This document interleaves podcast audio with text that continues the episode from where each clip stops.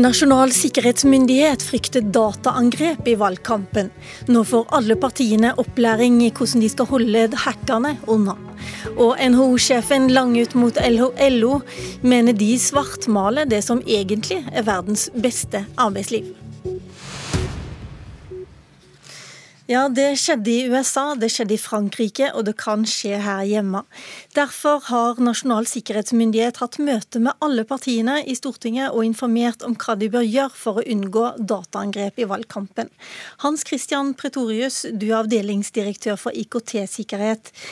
Dette har dere aldri gjort tidligere valgkamper. Hva er det dere er bekymra for nå? Eh, nei, Grunnen til at vi har valgt å gjøre dette, er det vi har sett internasjonalt. Eh, vi har sett eh, flere valgkamper hvor hacking har vært en del av dette, og hvor informasjonen er blitt stjålet og publisert for å prøve å påvirke en politisk prosess. Det er bakteppet når vi valgte å, å egentlig inn, be om disse møtene og, og hatt det med de politiske partiene. Og Vi har et behov for å både fortelle om de utfordringene vi ser, noen av de eksemplene vi har hatt, selv om vi ikke har hatt konkrete eksempler i Norge, så er det eksempler på hacking. Vi har eksempler på hvordan e-postservere er blitt stjålet.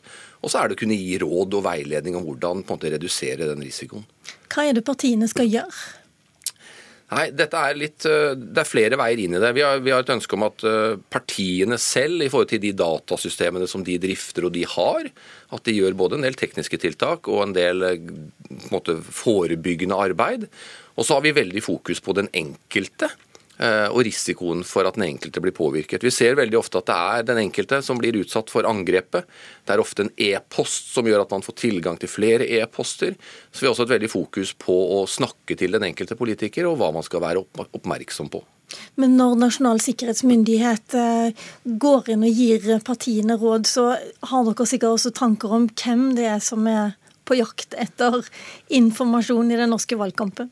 Ja, Vi har jo sett at det er internasjonalt at det er fremmede stater som ønsker denne type informasjon, eventuelt har et ønske om å påvirke. Så Det er jo også bakteppet når vi gjør dette. Men altså, Jeg skjønner jo at eh, russerne kan ha stor interesse av hvem som blir president i USA, og også hvem som blir president i Frankrike. Vi vet jo at hun, de har støtta bl.a. Le Pen sin kampanje. da. Men er russerne så himla interessert i om det blir eh, Erna Solberg eller Jonas Gahr Støre som vinner det norske valget? Det skal ikke jeg mene om. Eh, men det som jeg tror er viktig, er at her ønsker vi å være fore var. Her ønsker vi å forebygge. Og så er det noen poenger. Jeg tror også at det politiske landskapet i Norge er vanskeligere å påvirke. Det er mange små partier. Det er ikke sikkert at det å flytte på noen velgere nødvendigvis får det store utslaget. Og det er jo også sånn i Norge at de lange linjene i norsk politikk, forsvarspolitikk og utenrikspolitikk, så er det veldig bred enighet. Så jeg tror nok vi har et bakteppe politisk som gjør at vi er mer robuste, vanskeligere å påvirke, men vi ønsker også å være føre var. Mm. Hvordan har dere blitt mottatt? Veldig godt. Det har vært uh, gode møter. Uh, de ønsker den type dialog, så, så, dette har vært positivt. Kanskje også fordi jeg har fulgt det franske valget, som du har fulgt ekstra tett. Kristin Skare Orgeré, du er professor i journalistikk på Høgskolen i Oslo og Akershus. Men det, nå helt i sluttfasen av det franske presidentvalget så kom det store hackerangrep. Hva var det som skjedde? Ja, Vi så sent fredag kveld, som da var like før alle franske medier gikk inn i denne lovpålagte 44 timers karantenen før valget, hvor mediene ikke har lov til å kommentere noe som helst som har med valget å gjøre. Da ble eh, Emmanuel Macrons team utsatt for et gedigent eh, hackerangrep hvor hele 9 gigabyte med materiale, altså titusenvis av e-post, dokumenter, eh, kontrakter, bilder, ble stjålet og delt eh, sammen med falske dokumenter. Så det ble sauset sammen med, med falske dokumenter og delt på sosiale medier, bl.a. på Twitter, under denne hashtaggen Macron leaks. Og det var et åpenbart forsøk på å destabilisere valget, det franske presidentvalget i den aller siste fase. Selv om det da er lite som tyder på at eh, dette angrepet fikk noen sånn helt avgjørende betydning på valgresultatet i denne omgang. Sannsynligvis så kom det for sent, og eh, ingen alvorlige avsløringer er heller kommet så langt. Men franske redaksjoner sitter jo fremdeles og går igjennom dette materialet. Mm. Men Du sier at du fikk ikke noen innflytelse på valgresultatet. Men eh, hvordan ble disse altså Når det er så enorme mengder med informasjon, har det egentlig så stor påvirkning? Det kommer jo helt an på hva man finner. og Det var jo mange som var nervøse for at i valgets siste fase det skulle komme opp informasjon som kunne tippe eh, velgerne i en retning eller en annen.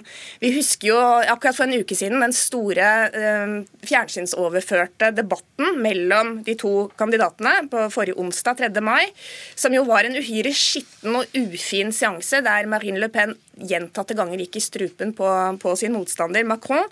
Og et par timer ut i denne lange eh, debatten så sa hun med et lite smil at ja, da får vi håpe at det ikke kommer noen nyheter om eh, en hemmelig konto på Bahamas, da.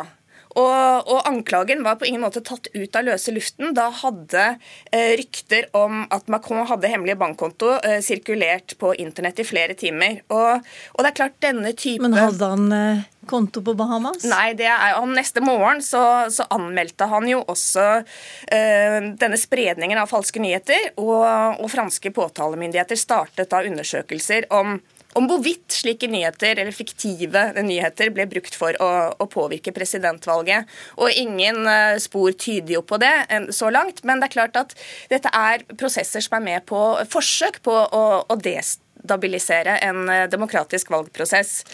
Jeg lurer på, eh, Pretorius, Jobber dere også med falske nyheter i Nasjonal sikkerhetsmyndighet? Nei, det gjør vi ikke. For Det virker jo som om det kan være vel så farlig som akkurat det selve angrepet? Det er riktig. Det er jo en del av den kommunikasjonen vi har når vi viser til varsomhet. Ehm, så det er absolutt en del av den kommunikasjonspakken vi har. Men selve problemstillingen eh, er vanskelig. Det går liksom utenfor tradisjonell hacking, da. Ehm, og dette er en kompleksitet som jeg tror kommer til å bli et stort tema framover. Og her har både pressen et ansvar og veldig mange et ansvar i å både håndtere dette eh, og på en måte få kontroll på det. For det å rett og slett vite Altså, det er kildekritikk. Det dreier seg om å vite hva som er korrekt. Og Vi ser jo eksempler på hvordan f.eks. en Twitter-melding utrolig fort uh, spinner av gårde og sprer seg, og brått så får man jo i flere kanaler bekreftet det man opprinnelig hørte.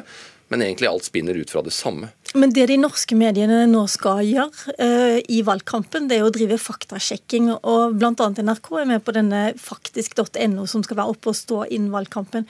Dette begynte de også med i eh, Frankrike, Kristin Skara Orgeré. Ja, det gjorde de. NRK som du sier, eh, har gått sammen med TV 2, eh, VG og Dagbladet eh, i et sånt unikt historisk samarbeid som da skal stå ferdig til sommeren. Frankrike har de kommet litt lenger. De hadde valget sitt tidligere, og der er det flere store aviser som har utviklet tre store sånne faktasjekkverktøy. Og, og, avisen Le Monde lanserte sin siste versjon av det de kaller Decodex, eh, som sjekker da om påstander holder mål. Sjekker det opp mot fakta som finnes i f.eks. statistikk og forskning. Og dette verktøyet fikk de da virkelig prøvd under den store eh, fjernsynsoverførte debatten forrige onsdag. Og Resultatet der viste at eh, Emmanuel Macron var skyldig i én unøyaktighet og en ganske stor overdrivelse, mens eh, Marine Le Pen leverte hele 19 konkrete faktafeil.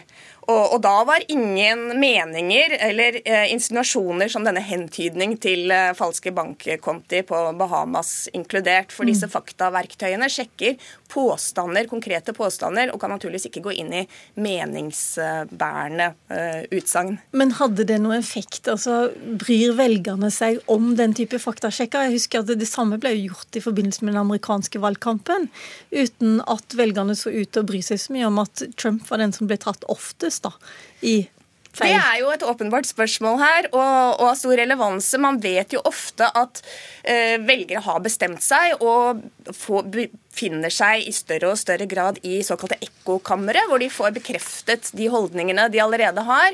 Og Derfor er også faren når ting spres i digitale medier, at man får De lever selv om fakta blir avkre... Eller løgner blir avslørt, så kan historiene leve videre i sosiale medier i lang tid. Og om velgerne virkelig bryr seg, det gjør de vel av og til, men det er i hvert fall viktig at mediene har sitt på det tørre. og oppfører seg som de demokratiske organene de skal, ikke minst i en politisk valgkamp. Mm. Men sånn som jeg forstår det da, så er det vel viktig at mediene har litt troverdighet utenom valgkampene også? hvis det skal ha noen effekt? Mm. Og får mange stemmer, eller mange stemmer komme til orde, der er det vel også noe av nøkkelen her for at de skal ha tillit og troverdighet. At folk føler at de blir hørt, og at eh, deres eh, syn også blir representert i de store mediene. Mm. Hjertelig takk, Kristin Skarangere. Takk også til deg, Hans Christian eh, Pretorius fra Nasjonal sikkerhetsmyndighet.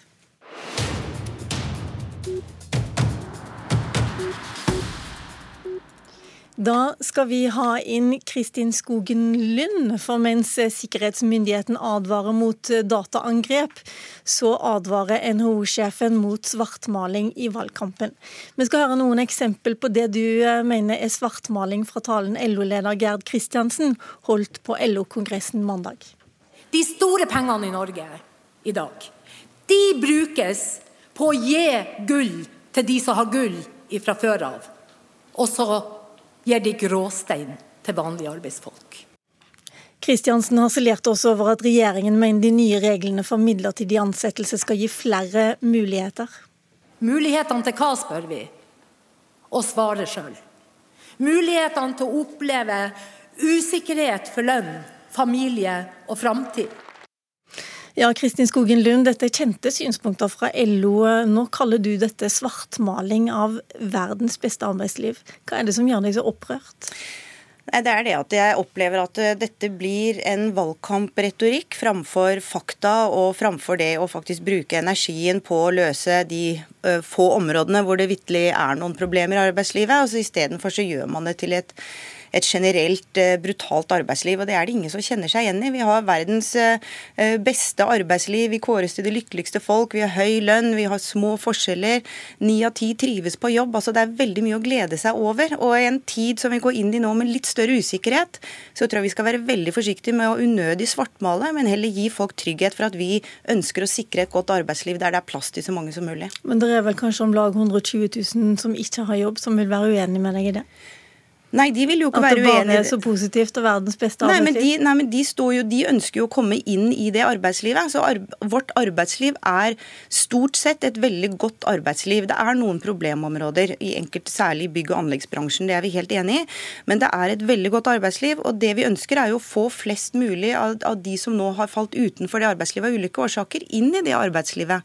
Det krever faktisk en viss fleksibilitet for å, for å få til det, og det burde LO være opptatt av. Nå skulle vi selvfølgelig hatt LO her til å svare for seg. De sa først ja til å komme, men så trakk de seg i går ettermiddag. Og begrunnelsen fikk vi per SMS. LO-ledelsen ønsker ikke å gå i en polemikk med NHO under en travel kongress der vi skal stake ut kursen for LO de neste fire årene, var beskjeden vi fikk. Så da får jo jeg spørre, da. I Dagsrevyen hørte vi en undersøkelse fra Fellesforbundet som viser at det er dobbelt så mange innleide ansatte på norske byggeplasser som før. Og nesten alle innleies gjennom bemanningsforetak. Og mye av dette er også ulovlig. De får f.eks. ikke lønn mellom, eh, mellom kontraktene sine.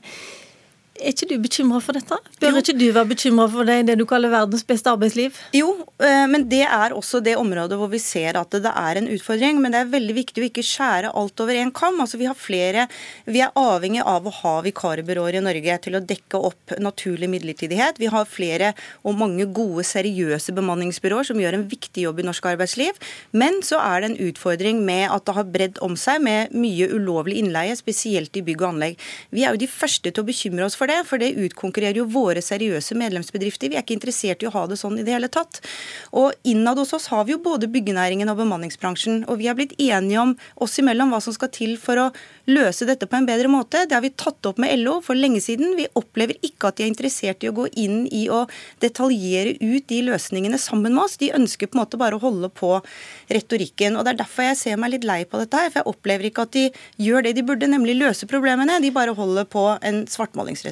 Men det er valgkamp. Opposisjonen vil påpeke det de mener er svakheter i samfunnet, og regjeringen vil vise til alt som går bra. LO kaster seg inn i valgkampen med Arbeiderpartiet. Det er ingen hemmelighet. De legger ikke skjul på det heller. Men du kaster deg vel også inn i eh, valgkampen sammen med regjeringen, når du sier at alt går egentlig fint? Jeg, du hva, jeg er ofte kritisk mot Jeg har for vært kritisk mot regjeringen når det gjelder foreldrepermisjon. Altså, Jeg går på sak etter sak, for vi er politisk nøytrale. Vi debatterer de sakene vi mener er viktige for NHOs medlemmer, fra sak til sak. Men det må være fakta her. F.eks. når de sier at vi er i ferd med å få et løsarbeidersamfunn. Andelen midlertidig ansatte i privat næringsliv går faktisk ned. Da kan du ikke stå og si at vi er på vei mot et løsarbeidersamfunn. Så de må holde seg til fakta. Det forventer vi. Vi skal invitere LO tilbake igjen når kongressen er over. Takk skal du Kristin Skogen Lund. Mitt navn er Lilla Sølhusvik, som var ansvarlig for Politisk kvarter i dag.